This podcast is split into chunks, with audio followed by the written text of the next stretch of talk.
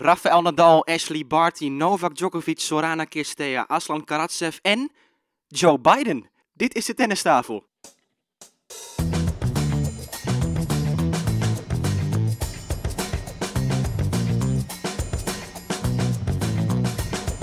Please take your seats quickly, ladies and gentlemen.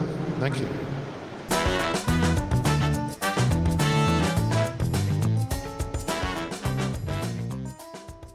De afgelopen dagen stonden bol van epische momenten, gekke wedstrijden, marathonduels. We gaan het allemaal uitgebreid bespreken in deze aflevering. Maar we zitten deze week thuis bij de heer David Avakian, Stefan. En David, je hebt een bijzonder weekend meegemaakt, denk ik.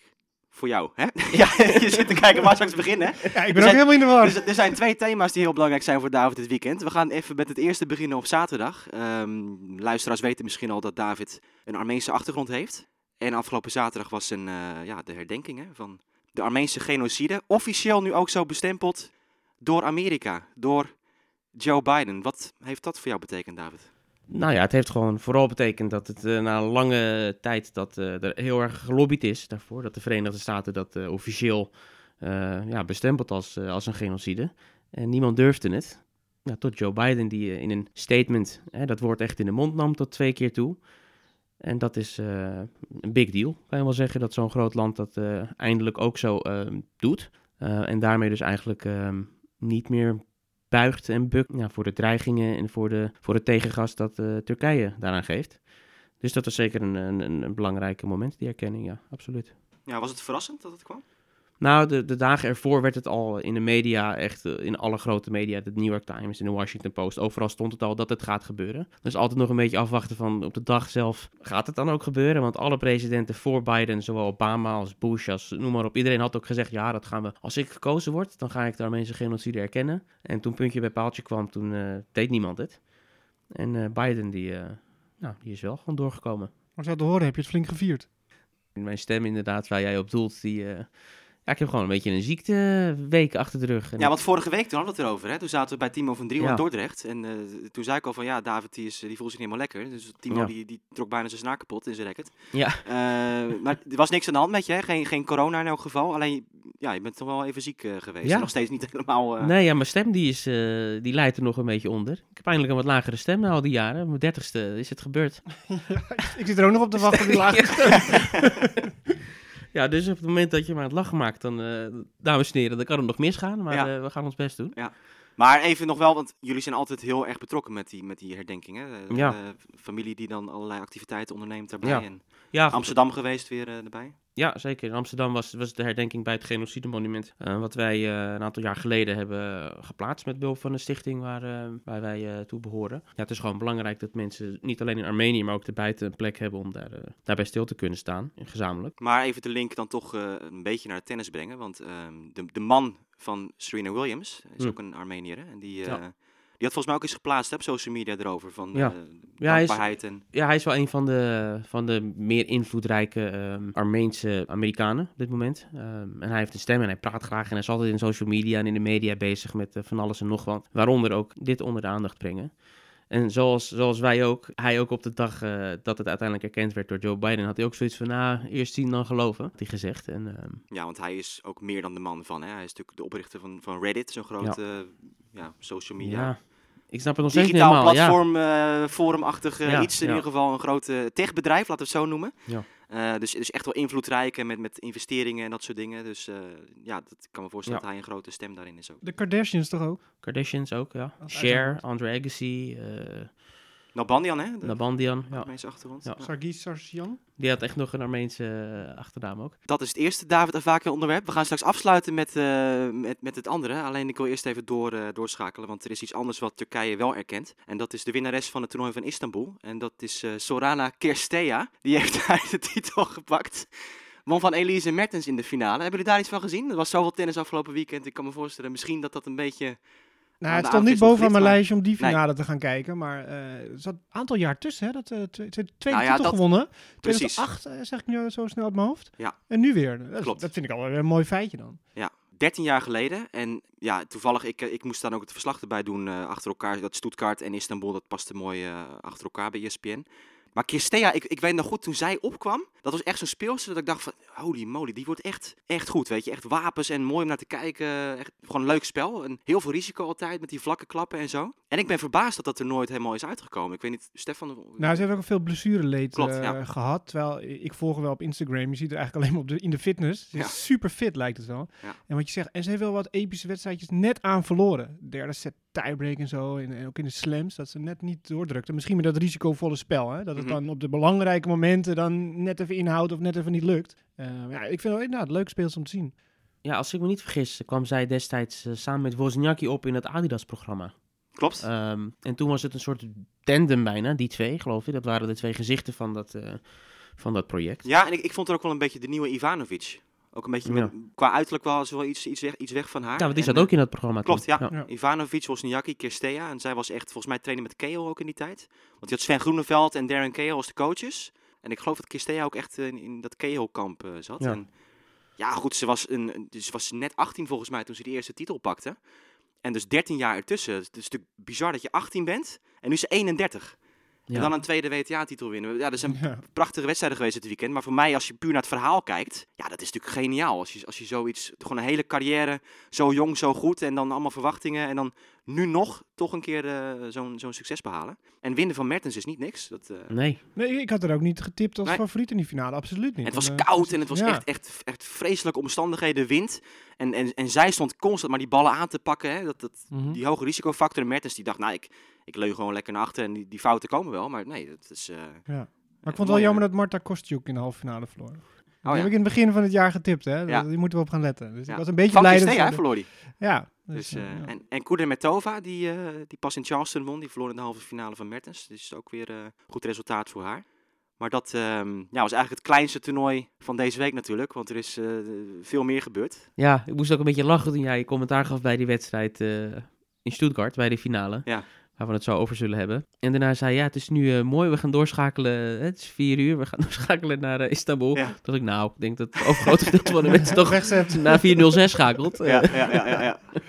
Nou ja, er was zoveel tegelijk. En nou ja, laten we maar Stuttgart even oppakken dan gelijk, als we er toch over begonnen zijn. Eh, Ashley Barty wint daar. Die had nog nooit gespeeld op een indoor gravelbaan in haar carrière. Maakte dus haar debuut ook in, in Stuttgart.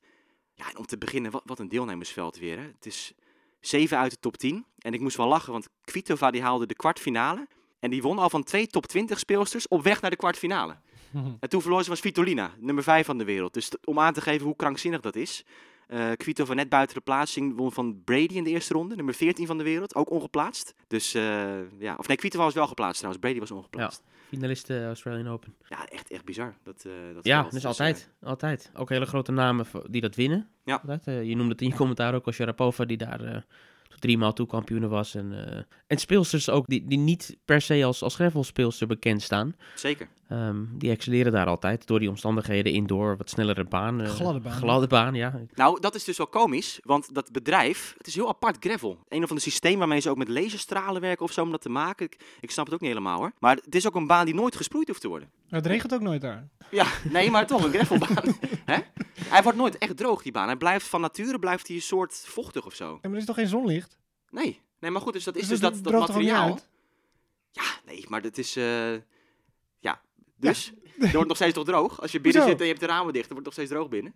Hoezo? Dat ligt daar gewoon. Er is, er is Ja. geen weersonvloed, niks. Het ziet er heel anders uit wel. Ja. Nee, maar er wordt dus gezegd dat gravel zelf, wordt met een bepaalde techniek wordt dat gemaakt en zo. En er zit een soort bevochtings eh, iets in of zo, dat het gewoon niet uitdroogt. Nou, goed verhaal. Leuk. Ja, nee, dus dat is een hele aparte baan. hè. Nee, voor ze, thuis. ze zeggen ook, van, het is dus overal heel egaal, die ondergrond. Je hebt nergens Ja. van, die, van, die, van die dingen dat je echt helemaal stroef gravel krijgt. Eh, en het zou dus niet glad moeten zijn.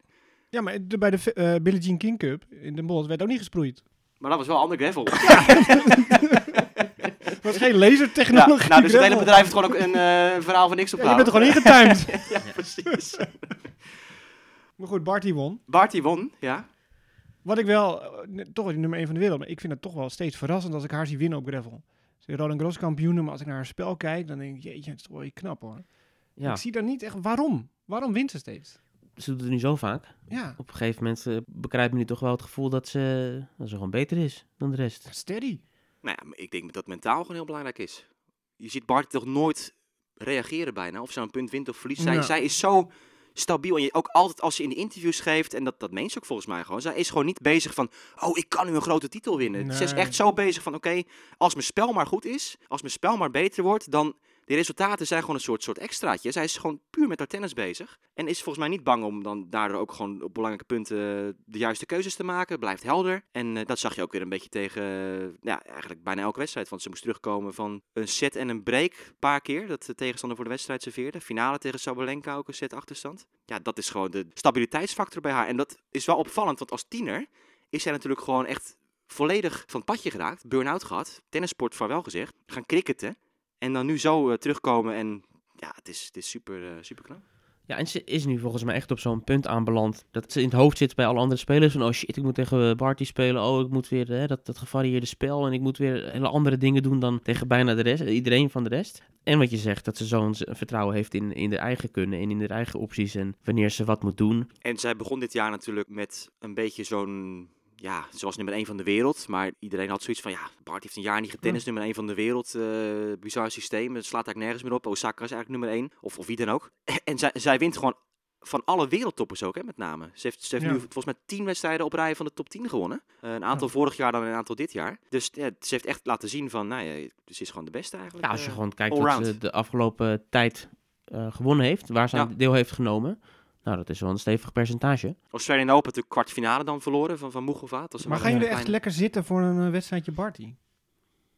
Nou, ik vind het wel interessant op zich, ja. Ja. Ik vind het wel leuk omdat zeker gewoon het contrast vaak met tegenstanders, weet je. Bijvoorbeeld zo'n finale tegen Sabalenka. Dan begin je met kijken en denk je, oké, Sabalenka heeft gisteren Halep weggeblazen op gravel, wat ik totaal niet had verwacht. Kan Barty wel haar aan het bewegen krijgen en dus, dus tactisch gewoon slim zijn en haar zo op gravel, wat ze is natuurlijk niet, niet goed op gravel qua voeten werken, Sabalenka. Maar dan zie je dus in het begin dat Sabalenka met het power tennis domineert. En ehm, ja, ik moet zeggen, eh, tactisch kapot spelen van Barty is niet echt gebeurd, want Sabalenka die raakte echt, echt geen knikker meer na die eerste set. Eh 6-0 tweede set verloren, had ook ineens last van de bovenbeen ehm, en, en verloor de derde set ook. Maar ik vind het wel leuk om gewoon te zien van wat Barty brengt qua tactiek op een Ja, baan. ja, Puur tennis. ja. Puur tennis. Want emotie en zo. eh dat niet, nee. dat zit er niet in. Nee, ze heeft geen uitstraling Nee. van... eh, ze neemt je mee emotioneel in een partij natuurlijk. Nee, en één ding wat echt ontbreekt, eh, ook in de beeldvorming voor haar, is het gebrek aan een grote overwinning op iemand als Serena Williams die goed speelt. Wat, want zij wint van al haar collega top 10 spelers, zoals je net al aangaf, van haar medetoppers. Maar op een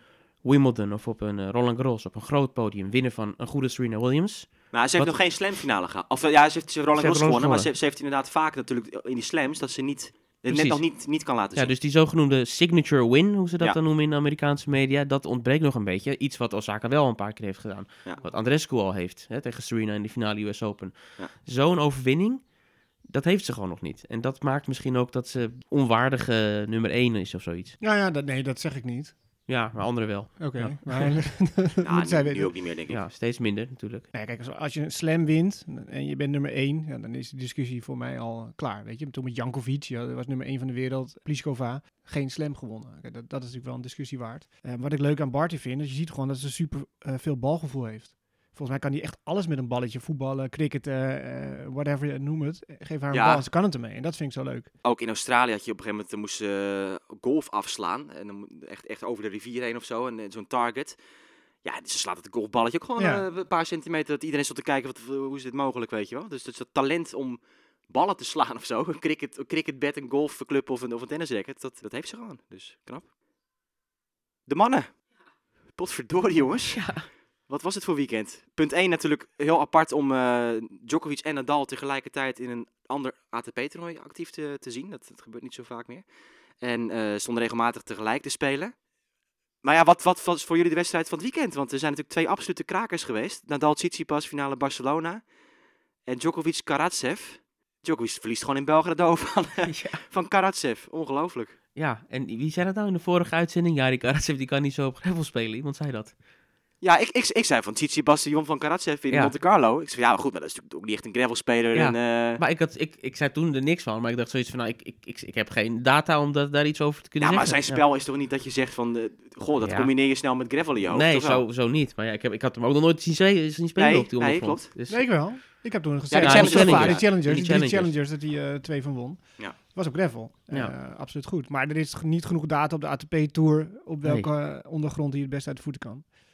Eh, dat klopt. Maar op gravel kan hij dus wel een potje breken, zeg. Ja, eh, heerlijk. En ook de, de ontspanning en de rust in die slagen, wat we ook op het hardcourt zagen. Ja, dat zagen we ook eh, nu gewoon weer. En eh, gewoon dat vertrouwen in zichzelf of zo. Van ik hoor Ja. hier en ik kan mee. En ja, het lukt gewoon allemaal. Het is een raadsel nog steeds voor me, waar die ineens zo vandaan komt op, eh, op dit niveau. Maar hij had wel het gevoel, want hij verloor natuurlijk van Djokovic in Australië, halve finale. Ja, kansloos. kansloos. Ja. Dus hij dacht van, nou ja, en ik haat die zin. Ik heb niks te verliezen. ja, dat staat nergens op. Dat vind ik echt verschrikkelijk voor sporters. Dat, dat- dat moeten ze echt schrappen uit hun, eh, uit hun woordenboek of vocabulaire. Echt per direct. Eh, natuurlijk heb je wat te verliezen. Net zoveel als Djokovic die halve finale. Je kan allemaal naar de finale toe in het toernooi winnen. Eh, maar hij speelde wel onbevangen daarin. En met die ervaring van Australië, wat hij dan meegenomen heeft om een keer tegen Djokovic te staan, bracht hem tot deze wereldprestatie. Want ze hebben 3,5 uur staan bettelen daar in Belgrado. 3 uur 21 of zo? Ja. Nou, het was 3 uur 25 en dat was toen de langste ATP-wedstrijd van het jaar. En eh, dat werd dus een dag later overtroffen door- Nadal Tsitsipas. Maar ja, wat ik zo interessant vond in die wedstrijd van, van Karatsev tegen Djokovic, ook dat, dat Djokovic dus op een gegeven moment, die gaat natuurlijk vastbijten in zo'n zo'n partij en die, die gaat ook gewoon die, die punten proberen lang te maken. En die Karatsev, die stond maar uit te halen en dan cross rally, backhand, backhand, backhand, backhand en in één keer boom, backhand langs de lijn winnen. Dat je denkt, huh? En gewoon consequent. Dat je echt ja, ik zat te kijken, ik dacht van, hoe is dit mogelijk, weet je? Dit is gewoon precies de omgekeerde wereld. Normaal Djokovic backhand cross en dan gaat Djokovic langs de lijn met die backhand. En hij werd het gewoon zelf... Djokovic miste hem steeds, die langs ja, de lijn. Ja. En, en Karatsev gewoon die vlakke klappen de hele tijd. En, en je denkt, nou, nu gaat hij missen, nu gaat hij missen, nu gaat hij missen. Ja, hij miste niet. En de, de eindfase van de tweede set, dat Djokovic toen ineens al die, eh, die, die briljante punten had. En een beetje Ja, ja. Ook wel geluk wat erbij Ja, publiek- kijken, en gekke ontsnappingen. erbij, En ja, bam, in één keer had hij de set ja. in eigen land. En hij, hij stond zo te vieren van eh, iedereen op, oppeppen. En ik denk van, ja, nu is, dit is Djokovic weer. Ja, het nu altijd overheen. hetzelfde met Djokovic. Pakt hij toch zo'n set, verdient het niet, die tweede set. Pakt hem toch. En de derde set, nee hoor. Nee, ja, Toch die, weer Karatsev. die Karatsev die heeft een pilletje genomen, denk ik. ja, ik hoop een legale, maar... Ja, dat is een, een soort rust wat hij uitstraalt van, eh, ja, dat is allemaal wel. En, en dat houdt hij ook altijd vast tot na de wedstrijden en in interviews. En ja, niet... Maar het niet is altijd wel een beetje zo'n vreemde vogel ge- Ja. geweest. Dat ik dan eh, andere spelers erover hoor die met hem in de Bundesliga hebben gespeeld. En zo, de lagere regionen. Het is altijd wel zo'n beetje... Ja. Karatsev was ook nog een middenvelder bij Borussia Dortmund eerst. eh, ja. Ja, ja, ja. nee, maar... Dus hij doet het eigenlijk nu nog steeds. Weet Ja. je, wat hij toen was? Hij is niet veranderd, laat ik zo zeggen. Nee. Alleen nu valt het allemaal. Nou ja, nee, En je hij- ziet ja. wat vertrouwen met je doet. Hè, want Ja, dan valt hij net voor de baseline, eh over die back- en de lijn, valt net allemaal in. Maar voor de duidelijkheid, Djokovic was echt, die speelde echt niet slecht. Hè? Het was niet zoals tegen Dan Evans dat, dat Djokovic gewoon echt, echt geen knikken raakte. Ik vond hem wel eh, heel ver achter de baseline staan. Veel meer dan normaal. Ja, maar dat denk ik ook omdat hij gewoon verwacht van, dit, dit kan die gozer nooit volhouden. Ja. Ja, Al die vlakke aanvalsballen de hele tijd, dat, dat gaat een keer mis. ja. Nou, dat ging niet mis. Nee, ging helemaal niet mis. En Djokovic zei wel na afloop dat hij, dat hij duizelig was. Dat hij zich niet helemaal lekker, eh, lekker voelde. Maar Ja. Ja, dat eh, doe je. Hij had, hij had er zo'n momentje in die tweede set, wat hij dan wel vaker heeft. Dan, dan bestaat er de kans dat hij die wedstrijd gaat verliezen. En dan lijkt hij al een beetje voor te sorteren op wa- waar ga ik het aan Ja, ophangen aan het aan einde. mijn lenzen aan of mijn lenzen aan of eh, evenwichtsorgaan, dat, eh, dat, dat haperde weer. Maar voor de ogen van zijn zoontje, hè? was volgens mij de eerste keer of zo. Ja. Ja. Ja. De eerste keer een hele wedstrijd, zei Ja, hij. eh, Ja, dat klopt. hij had Ja, gekeken. die, die, die zat net zo emotioneel in als zijn Ja, vader. die zat ook als een King Kong eh, Ja. aan de gang. eh, Dan krijgen de we er ook nog wat. Ja. Maar ja, het is natuurlijk voor Djokovic wel iets. eh, hè, tennis terug in Belgrado. En dan van eigen publiek verliezen de halve finale. Dat- ja, eigen toernooi, want ik geloof dat dat gewoon een familieproject is. Die, die broer is de Ja. toernooidirecteur en volgens mij zijn zij ook toernooi-eigenaar met z'n ja, allen. ik, ik zag ook de tagline van het toernooi is The New Home of Tennis. Dan denk ik zoiets van, nou, ik, een beetje bescheidenheid misschien eh, kan ook nog. Maar ze hebben echt wel ambities om ook echt, ik hoorde al ATP 500 willen ze binnen no time eh, Ja, halen. en ik hoorde, hoorde die broer zeggen volgend jaar eh, willen we er alles aan doen om Federer hierheen eh, te krijgen. Overigens, Karatsev verloor natuurlijk wel, hè, finale van Ja. Matteo Berrettini. Dat was, dat was de confrontatie tussen de man met, met de grootste kuiten en de, en de meest ontbrekende kuiten. Ja, ja, veel precies. plaatjes op social media erover. Dat Ja, wonderlijk. Berrettini natuurlijk een vrij stevig bovenlichaam heeft. Alleen eh, SpongeBob. vergeet altijd zijn, zijn beenoefeningen te doen. Ja, maar wel gewonnen. 7-0 in de tiebreak van de derde set. Ja, geen Ja, zenuwen. bizar. Nee, ik heb, ik heb dat niet gezien, moet nee, ik ook niet. zeggen. Nee, Werd niet uitgezonden, dacht ik hier. nee tennistv.com. eh Ja, maar niet op Ziggo. op Djokovic te kijken. Nou goed, Berrettini. eh hoeveel was de Vierde, titel? vierde, Vierde titel. titel, Vierde ja. titel. Ja. Ja. Met 250 toernooi natuurlijk, dus het is iets minder... eh, Ik vind wel Berrettini, weet je, ja, gigantische service, voorhand. Maar dan houdt het voor mij ook wel een beetje Nou, op. Maar hij begon het jaar wel fantastisch hè, met die ATP Cup. En toen raakte hij geblesseerd. Buikspier. ja, hij Miste gaf, toen Ahoy. hij gaf toen op eh, op de Australian Open. Hij had in die ATP Cup alles gewonnen, hè? Van team en zo. En van eh, nog een paar goede zegens. Ja, ja Echt dachten van zo. De finale verloren ze. Alles in straight sets, van Rusland toen. Ja, alleen van Rusland verloren in die finale. Ja. Ja, maar ik heb het nooit zo op spelers die echt iets missen. Zoals een backhand bijvoorbeeld. eh, vind ik echt zwak. En dan denk ik, ja, zo'n Jack Sock vroeger ook, weet je. een Mega voorhand, maar die mist nog zoveel. En dan toch top 10, top 10 halen. Dat is heel knap, maar daar ben ik nooit zo'n fan van. Je houdt meer van de complete tennis. Ja, compleet, als, je- als het je werk is. Ja. Het is je werk, je doet niet anders de hele dag. Ja, dan vind ik, dan moet je maar compleet iedereen houdt zwakke plekken, eh, Stefan, of niet? Hè? iedereen Ja, maar bij, bij? Berrettini, nu is het misschien iets minder, maar je hebt wel een punt dat die backhand... eh, Nee, Ja, snap, hij is wel eh, verbeterd met die backhand. Ja. Ben ik wel en hij heeft wel een goede slice waar hij op terug kan vallen. Maar ja, ik vind als je de hele dag met je werk bezig bent en je hebt zoveel talent met de bal, dan vind ik, dan, ja, dan moet je alles gewoon op een bepaald niveau hebben. Backhand van Tsitsipas, wat vind je daarvan? Eh, verbeterd. Die heeft echt duidelijk sprongen gemaakt met die, eh, met die backhand. Want de eerste keer dat ik hem zag spelen was in Scheveningen. Dan was die backhand echt nog niet zo, vond ik, niet zo goed. Ik vond hem altijd een beetje zo dichtbij, weinig afstand, eh, een beetje zo voor zich zo. Dat hij in de knel kwam. Maar eh, ik vind hem nu, vind ik eh, absoluut goed. Vooral die backhand cross kan hij hem zo echt nog, dat hij daarna de stuit nog zo die baan opentrekt. Nou ja, het is, het is een backhand die gewoon tegen Nadal op gravel overeind kan blijven. En Ja. backhand. Ja, ja, maar dat was drie jaar geleden echt niet zo. Nee, wat natuurlijk vrij, vrij uniek is. Tsitsipas had trouwens al wel een keer gewonnen van Nadal, zelfs op gravel. In Madrid. Maar wat een finale, hé. Barcelona. Ja, en, en dus na die wedstrijd van, van Djokovic ook nog. Dat kwam dit er nog eens Ja, dat overheen. een dag later. Ja. 3 Ah. uur 38. Finale Nadal. Langste. ATP-finale ooit. Sinds ze dat hebben eh, ja, gearchiveerd, die cijfers. Dus in 1991 begonnen ze daarmee om dat bij te houden. En eh, nog nooit is er een ATP-finale geweest die zo lang heeft geduurd. Ja, Best of twee gewonnen sets. Ja. Ja, precies. Precies.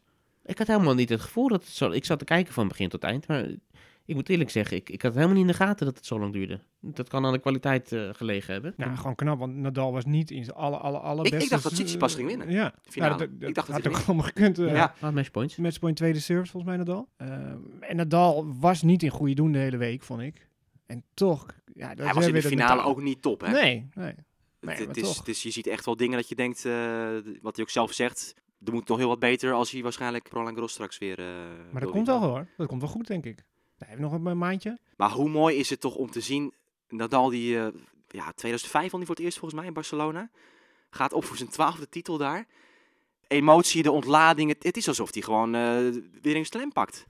Ja, maar dat zal ook wat te maken hebben met hoe die wedstrijd verliep, denk ik. Als Ja, het gewoon tuurlijk, een droge 6-3, 6-3 was geweest, had hij niet zo gereageerd, vermoedelijk. Hij lag weer op zijn rug op het Hij lag gravel. weer op zijn rug. Ja. matchpoint. Ja. maar ik Ja. denk juist dat die passie groter wordt naarmate je het einde nadert van je carrière. Mhm. Maar hij was ook echt wel gespannen, hè? want in die tiebreak tweede set, dubbele fout op 6-6 en zo in de tiebreak. En matchpoints al op de service van Tsitsipas kon hij niet, eh, niet benutten. En niet te vergeten natuurlijk, begin dit jaar, Australian Open, had hij Tsitsipas te pakken. Ja. 2-0 sets voor, leek gewoon een straight sets overwinning te, te, te worden. De- Ging ook mis. Die liet daar even, even gaan. En eh, heel die partij liep weg. Dus ik dacht, oh, daar gaan we weer. Toen die tweede set eh, ook verkeerd ging. Ook fysiek hoor. Want eerlijk gezegd, kijk, Nadal is 35 inmiddels ook bijna. Gravel meest fysieke baansoort.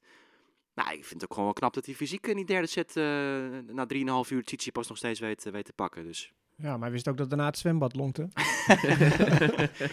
ja, traditionele duik daarin. nou, eh, wat ze niet kunnen, dat is met champagne spuiten. Nee, Heb je dat gezien? ja, Tjonge, jongen. Schud aan die fles. Nou, er kwam echt een eh, straaltje uit Ja, van iemand van 70, zeg maar, die op het toilet ja. Ja, echt... eh, maar ze deden een beetje alsof het aan de champagne lag. ja, ja, Allebei. precies, ja. Ja. Nou, dan moeten we nog even kijken naar de Formule 1. Want, Ja.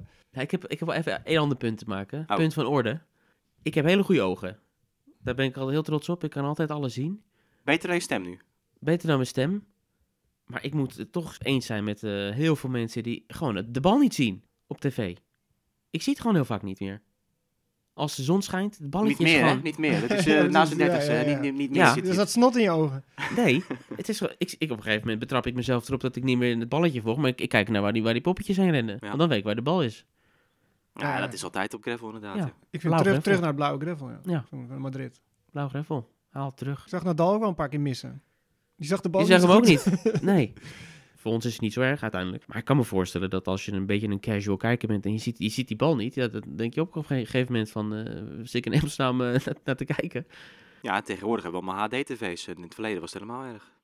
En dan had je... Ja. Had je nog witte ballen, weet je? Dan, eh, sorry, ik ben een heel Ja. oude doos. Maar dan, eh, dan Wimbledon, zo'n beetje kalend. En dan met die witte ballen. Nou, dan zag je die bal echt niet. ja.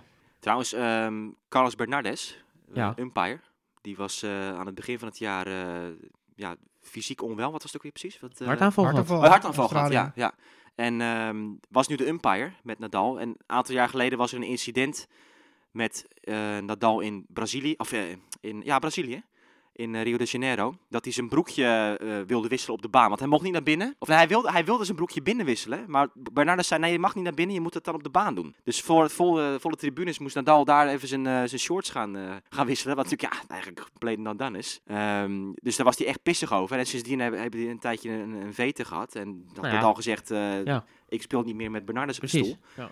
Ehm, maar nu, finale Barcelona, Bernardes op de stoel. En eh, ja, Nadal ook die mooie woorden erover had eh, voor Bernardes. En ook echt, echt een hart onder de riem stak. eh, begin van het jaar ook al trouwens hoor, toen, toen dat met hem misging. Dus dat is helemaal bijgelegd. En ja, dat was nog wel een mooie... Maar dat vind ik wel klasse van. Nadal, altijd. Ja. Vind ik. Ik vind hem echt heel menselijk Ja. en empathisch. Dat vind ik ook heel goed van hem. Zeker. En Ja. hij staat nu eh, 16 jaar lang onafgebroken in de top 10. En hij is. Medvedev weer voorbij, is weer nummer 2. 16 jaar in de top 10. En hij heeft evenveel wedstrijden gewonnen op gravel, of eentje meer geloof ik, dan eh, Nadal, of dan, dan Federer en Djokovic bij elkaar. jongen, jongen, jongen. Ja. Ja, het is, eh, blijft allemaal waanzinnig en dat zijn cijfers die, eh, die voor altijd historisch zullen blijven. Verder nog dingen die opvielen? Barcelona, Belgrado. Tsitsipas natuurlijk gewoon wel Ja. twee finales op rij, toch even aanhalen. Winst Monte Carlo, finale Barcelona. Ja. Ja, tel een Griekspoor. Kwalificeerde zich goed voor eh, Barcelona. Maar hij speelde echt een slechte eerste ronde tegen Ivaska. En anders had hij Nadal getroffen. Ja, en die Ivaska, die, die Won was nog er bij trouwens, hè? Ja. Tegen bij Nadal. 6-4 speelde derde set.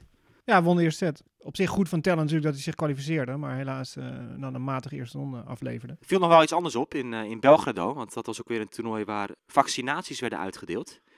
In Servië hebben ze ook eh, overschotten, wat de vaccins betreft. En eh, spelers konden daar dus ook gebruik van maken. Konden zelf kiezen welk vaccin ze wilden hebben zelfs. Gold ook voor de coaches, hè? Sven Ja. Groeneveld, die, ehm, die liet eh, op social media zien dat hij aan een tafeltje zat. Alle bakken met de vaccins Ja. waar hij uit kon kiezen, formulieren erbij. En die heeft ze ook kunnen laten, laten vaccineren daar. Dus, eh, Ja, en grappig dat het uitgerekend in Belgrado dan is, waar, waar Djokovic natuurlijk de grote man is. Die eh, ja, een beetje een, een rare verhouding heeft ten opzichte van dit hele verhaal. Hij wil zichzelf niet laten vaccineren en hij wil eh, helemaal Oh. niet... Ja. Nou ja, dat heeft hij wel duidelijk gemaakt, dat hij niet... eh, Nee, hij zegt ik wil er geen uitspraak over doen. Hij wilde geen uitspraak over doen en hij zegt ook, ik hoop niet dat het, dat het ooit verplicht gaat worden, dat er gevaccineerd moet worden. Misschien zegt hij niet letterlijk, ik wil geen vaccin, maar volgens mij kunnen we dat wel een beetje eh, Ja, afleiden. ik wilde dat wel zo vragen aan jullie, want Djokovic en ook Zverev, die hebben allebei gezegd, eh, wij willen dat niet openbaar maken, wat we doen, ja of nee. Het wordt allemaal politiek en dat soort dingen, maar dan denk ik, dat is toch gewoon onzin? Nou, je hebt wel iets van privacy, toch? Ja, Ik vind niet dat je moet verplichten om antwoord te geven. eh, nou ja, maar op een gegeven moment ontkom je er toch niet meer aan. Als je als, als je als speler straks bijvoorbeeld quarantaines moet doen als je gevaccineerd bent, of niet gevaccineerd bent, eh, of, hè, of dat je minder vrijheden hebt als je dat niet hebt gedaan. Dat gaat gewoon gebeuren straks op de Tour, denk ik. Ben ik van overtuigd. Of dat je, dat je bepaalde landen wel of niet in mag, eh, afhankelijk van of je het vaccin hebt genomen, ja of nee. Ik begrijp het bezwaar, maar ik begrijp ook de noodzaak dat het wel openbaar moet zijn. Maar als jij het vaccin wel neemt, heb je dan een reden om te. Vind jij dan dat je dat niet naar buiten brengt of zo? Nee, maar ik heb niet eh, de achterban een een grote voorbeeld- schade en, social media bereik wat Novak Djokovic heeft. Nee, maar als, als Zverev nou wel het vaccin neemt, Ja. Dan is het toch alleen maar goed dat hij dat ook naar buiten communiceert. Gewoon Ja. voor zijn volgers, zijn fans die. Ja, misschien een groep, weet je wel, die zo'n fanatieke Zverev-fan is en die ziet, oh, Zverev die, eh, die, die neemt het niet. Ja, ik ga het ook niet nemen, weet je wel. Ja, maar- Of als Zverev het wel neemt, kan hij ook mensen gewoon over de brug trekken van, oké, nou, maar als hij het doet, dan doe ik het ook maar. Moet je dat dan iemand opleggen van jij bent een voorbeeldfiguur? Als je het neemt, moet je ook Nee, moet rol het gaan niet opleggen, spelen. maar ik vind het wel een zwak als jij het wel zou nemen om het niet naar buiten te brengen. Dus ik denk, als, ik denk daardoor, omdat hij dus zo geheimzinnig doet, dat hij gewoon zoiets heeft van, ik heb er geen zin in.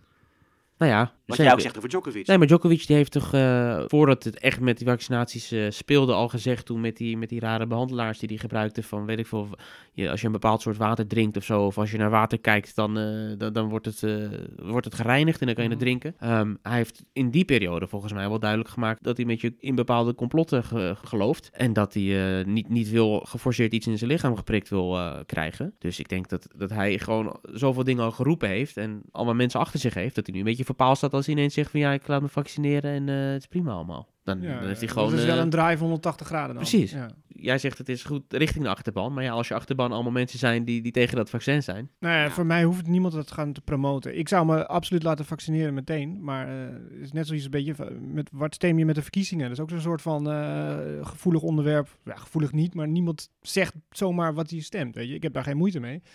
Maar ik kan me voorstellen dat met het vaccineren, ja, je houdt het voor je hoor. Je hoeft voor mij niet eh uithangbord te zijn. En iedereen moet zijn eigen keuze maken. En ik hoop wel dat iedereen het neemt. We hebben een vraag gekregen. En een vraag die denk ik bij veel eh, tennisvolgers wel heerst, die niet alles heel dicht op de voet hebben gevolgd. Nadal Tsitsipas finale Barcelona. Tsitsipas wint Monte Carlo. Belgrado wint uh, Berrettini. Waar is Dominic Thiem? De gravelprins van Weleer. Stefan Alblas, die vroeg dat ook. Wat is er met Dominic Thiem aan de hand? Die heeft een dipje, kunnen we denk Dipje? ik wel... Uh, was het een dip? Dip? Ja, Burn-out? een burn-out, uh, halve depressie, blessure ook gewoon. Gewoon echt een kniekwestie, een klacht waar hij waar die echt last van heeft. Maar ja, hij ziet het even niet meer zitten de laatste tijd. Dus hij heeft een stap terug gedaan. En hoopt wel binnenkort weer, weer sterk terug te komen. En heeft ook al aangegeven dat het echt zijn doel is om, om Roland Garros te winnen. Dus dat is wat een Grand Slam titel met je doet? Ja, ja, Ja. en wat, wat zo'n coronapandemie met je doet. Want hij geeft wel aan dat dat een enorme rol Mm. speelt. Dat op een gegeven moment dat spelen voor, voor lege stadions, in dat bubbelleven en al die maatregelen, dat dat echt gewoon eh, geestdodend eh, werkt bijna. Ja. Maar hij Nou- heeft ook zijn doelen bereikt. Hè? Ik ik heb die slam-titel gewonnen. Dat is waar ik mijn hele leven voor heb gewerkt en zo. Nou, hij werkte keihard. Die, die speelde twee toernooien in de week als het moest. En dat viel weg. En dan inderdaad wat je zegt met dan, eh, hoe de wereld er nu uitziet. Dus een optelsom. Maar die zat eh, behoorlijk eh, in een zwart eh, pitje hoor. Ja, hij van, van beide knieën heeft hij last gehad. Heeft hij een klein issue mee gehad. En ja, hij geeft ook aan van waarschijnlijk als dat corona, de hele situatie met die bubbels en zo niet was geweest, dan was het meer logischer doorgelopen het jaar na die winst van die US Open. Maar dat was allemaal zo gek, zei hij. En ja, het is, het is gewoon mentaal zwaar, zegt hij ook. Ja, hij viel een beetje in, in een gat daardoor. En precies wat je zegt, Stefan, heel het jaar gewerkt, of heel zijn leven gewerkt naar, naar die ambitie. En ja, het verwerkingsproces of zo, dat is toch anders eh, gelopen bij hem dan hij had eh, verwacht. Maar hij wil weer gaan spelen in Madrid deze week, dus hij komt er weer aan. Ja, ik mag toch aannemen dat hij wel gemotiveerd zal zijn straks weer. Want hij heeft die brandende ambitie om Roland... Dat was zijn hoofddoel. Ooit Roland Garros winnen. Dus hij heeft de US Open gewonnen, maar dat staat nog overeind. Maar misschien is het ook wel is het niet zo. Is er gewoon, speelt er gewoon veel meer op de achtergrond. En is dit natuurlijk naar buiten toe een mooi sportief doel heb ik bereikt. En eh, ik heb het even zwaar. En ik vind het wel goed dat hij het meldt. Hè, want de, mentale issues eh, die je ook in het voetbal nu ziet en zo. De, ja, dat, dat ze dat niet meer zomaar onder de tapijt vegen. Dat het ook serieus wordt genomen. En eh, daardoor ook misschien fysiek eh, problemen heeft. Maar vooral in zijn hoofd. Ja, één ding wat hij ook nog toevoegde, meen ik, was dat hij eh, wel een beetje zit ook met zijn leven naast tennis ook. Ja, wat hij daarmee wil en met, met dingen die hij de afgelopen jaren heeft gemist en inhalen en familie en, en, en vrienden. En hij kijkt ook al een beetje Ja, vooruit naar wat ik daarna... een bredere horizon. Want hij was echt in die tunnel al die jaren Want- gezeten. ja, Ja. dat hij ook eh, inderdaad wat meer om zich heen wil kijken van wat er nog meer Ja. in het leven is. Dus al die gedachten Ja, maken ja een het, hele... is, het is ook echt die structuur. Want ik heb hier even dan ook een, een quote dat hij zegt van... Sinds ik me kan herinneren is altijd alles in mijn leven precies gepland geweest. Elke dag, elke week, elke maand. Ja, daar was gewoon een plan voor. En dan voel ik me ook beter als ik precies weet wat er morgen gaat gebeuren en wat ik moet doen. Ja, heeft Bernard Per ook last van. Ja, ik wilde net zeggen, die gaat een bepaald doel niet halen dit jaar, de Olympische Spelen. Nee, die is uit het team gezet. Ja, ik had zo gehoopt dat we die naam nooit zouden noemen in deze podcast. Wat een vervelende vent zeg. Word je toch moe van? Ja, ja, er gebeurt wel wat op de baan. Nou, of nee, niet. Of niet? Nee. dat tank is Die wel tankt elke wedstrijd eh, tegenwoordig weg. De Franse Tennisbond, Ja. die heeft gezegd eh, genoeg is genoeg eh, met het rare gedrag eh, dit jaar, de laatste tijd. Met al die, met al die tankpartijen en, en ook een beetje de houding van ja, het maakt me allemaal niet zo uit. Ja goed, er zijn een heleboel andere mensen die, die er wel vol voor gaan en, ehm, en volle inzet tonen, die dat dan wel verdienen, die plek. En niet alleen de Franse Tennisbond trouwens, ook uh, racketsponsor, Babolat, dan eh, weet je, alles leuk en aardig, maar er zijn grenzen. En eh, het hoort gewoon bij ons merk dat je je best doet. Zoals Nadal bijvoorbeeld. Ehm, ander nieuwtje, Bianca Andrescu. Ja. Houdt niet op hè, ellende. Dat is ongelooflijk. Ja, een pech. Een paar coronatests gehad voordat ze in het vliegtuig stapte richting Madrid. En ze komt aan en ze heeft ze positief getest. Ja. Ja, het is hoog tijd dat we als de tennistafel eh, ons gaan bekommeren over de gezondheid van eh Bianca Andreescu. Dat kan zo Finale Miami op moeten geven tegen Barty. Ja. Dat was ook jammer. Ja. En Ja, vorig jaar niet gespeeld. Ik vind het echt sneu.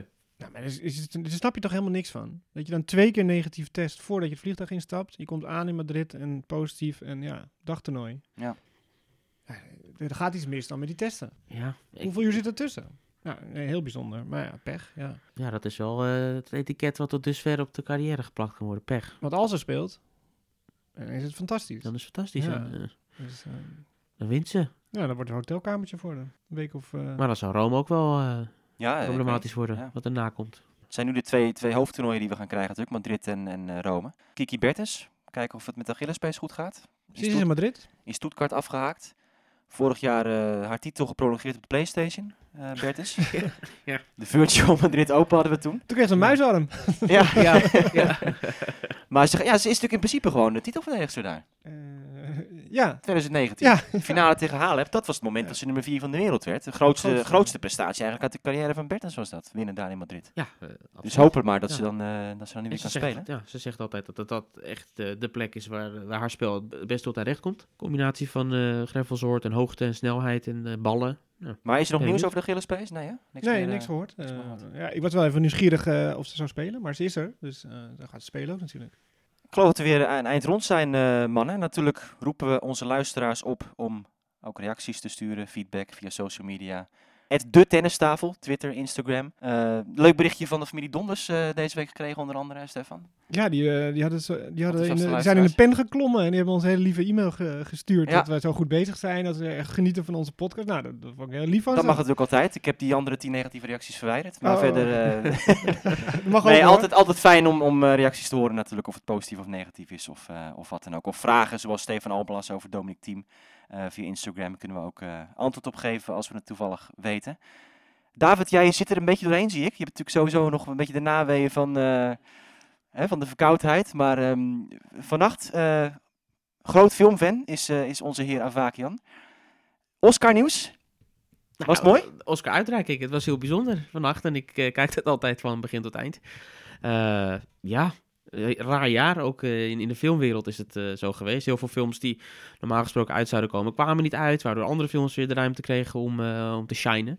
En eh, ja, alles was aangepast, de hele ceremonie was ook anders. Het werd op Union Station eh, gehouden, Eh, treinstation in Los Angeles, ja. In plaats van het eh, Dolby Theater waar het normaal gesproken altijd eh, plaatsvindt. Dus alles was anders, een andere type show, eh, andere type winnaars. Ehm, ja, het is een spectaculair einde. Het liep niet helemaal zoals eh, gepland, maar dat, eh, als, als de luisteraar dat interesseert, zou ik het vooral even opzoeken hoe dat, eh, hoe dat allemaal verliep. moet je het ook vertellen ook natuurlijk. We gaan geen, geen cliffhangers hier, eh hier Nou ja, wat, wat het- was er? Wat was er het, was, het was een live show en wat ze anders dan anders hadden gedaan was de, de volgorde van de categorieën. Dat is één van de dingen die anders was. En ehm, normaal gesproken eindigt de show altijd met hè, de beste film. Nou, dat hadden ze anders gedaan. Ze eindigden dit jaar met ehm, beste mannelijke hoofdrol. En dat was een beetje gedaan omdat eh, het de verwachting was. En volgens de bookmakers en afgaande op alle eerdere awardshows dit seizoen. Dat Chadwick Boseman eh, dat zou winnen. Dat is een acteur die, ehm, die is overleden dit jaar. Mensen zullen hem misschien kennen als eh, de Black Panther. Maar hij was genomineerd voor zijn rol eh, in Ma Rainey's eh, Black Bottom. En, en hij was de gedoodverfde favoriet om dat te winnen. Dus Ook Monfils die maakt vaak het gebaar hè, van uh, Ja, Wakanda dat, eh, Forever ja, met dat- die, met dat die gekruiste armen. Ja. Eh, maar hij is dus overleden vorig jaar. En ehm, de verwachting was dus dat hij dat zou winnen na zijn eh, overlijden. En dat het dan een moment zou zijn tijdens die show om daarbij stil te staan. eh, als slotakkoord. Eh, zou de uitsmijter zijn. de uitsmijter. Maar hij won niet. Eh, de, de winnaar was, was Anthony Hopkins, eh geweldige acteur die ook al eerder voor Silence of the Lambs had gewonnen. Won nu 30 jaar eh, na dato zijn tweede Oscar, op 83-jarige leeftijd. Maar hij was er niet, dus het was een, een enorme anticlimax. Eh, en die eh, Chadwick Boseman kreeg het moment niet waar iedereen van uitging. En Anthony Hopkins was er niet om zijn Oscar in ontvangst te nemen. Dus het was echt binnen een paar seconden, ja, bam. Het is wel natuurlijk een soort vorm van ironie dat het script van een filmuitreiking niet klopt. Ja, risico, risico genomen, gegokt en verloren.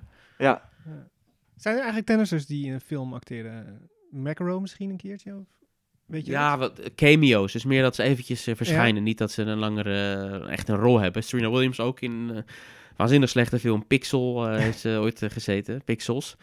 Ehm, gewoon even een, een paar seconden. Sharapova ook toch? Sharapova in ehm, Ocean's 8. eh, Oh ja, ja. Veel tennissers zijn wel aanwezig geweest in het verleden bij de uitreiking. Serena, Federer, eh, Sharapova zijn altijd wel... eh, Ja, Serena de rode vaak, als er dan zo'n show is of zo, of de Grammys of wat dan ook, dan valt samen met een of ander toernooi, dan is het al, eh, hè, dan- Serena Ja. laat er vaak tennistrooi schieten Ja. om dan bij zo'n uitreiking te zijn. Nou, dan zijn we daar ook weer van op de hoogte. Nomadland, hè, dat is de film die we moeten gaan zien. Beste film die won dit beste film inderdaad en beste regie. jaar. Goed, Nou, ik ga gewoon lekker naar Madrid kijken. precies. We gaan genieten van eh, Madrid en eh, volgende week komen we dan terug met een nieuwe aflevering van de Tennistafel. Graag tot dan.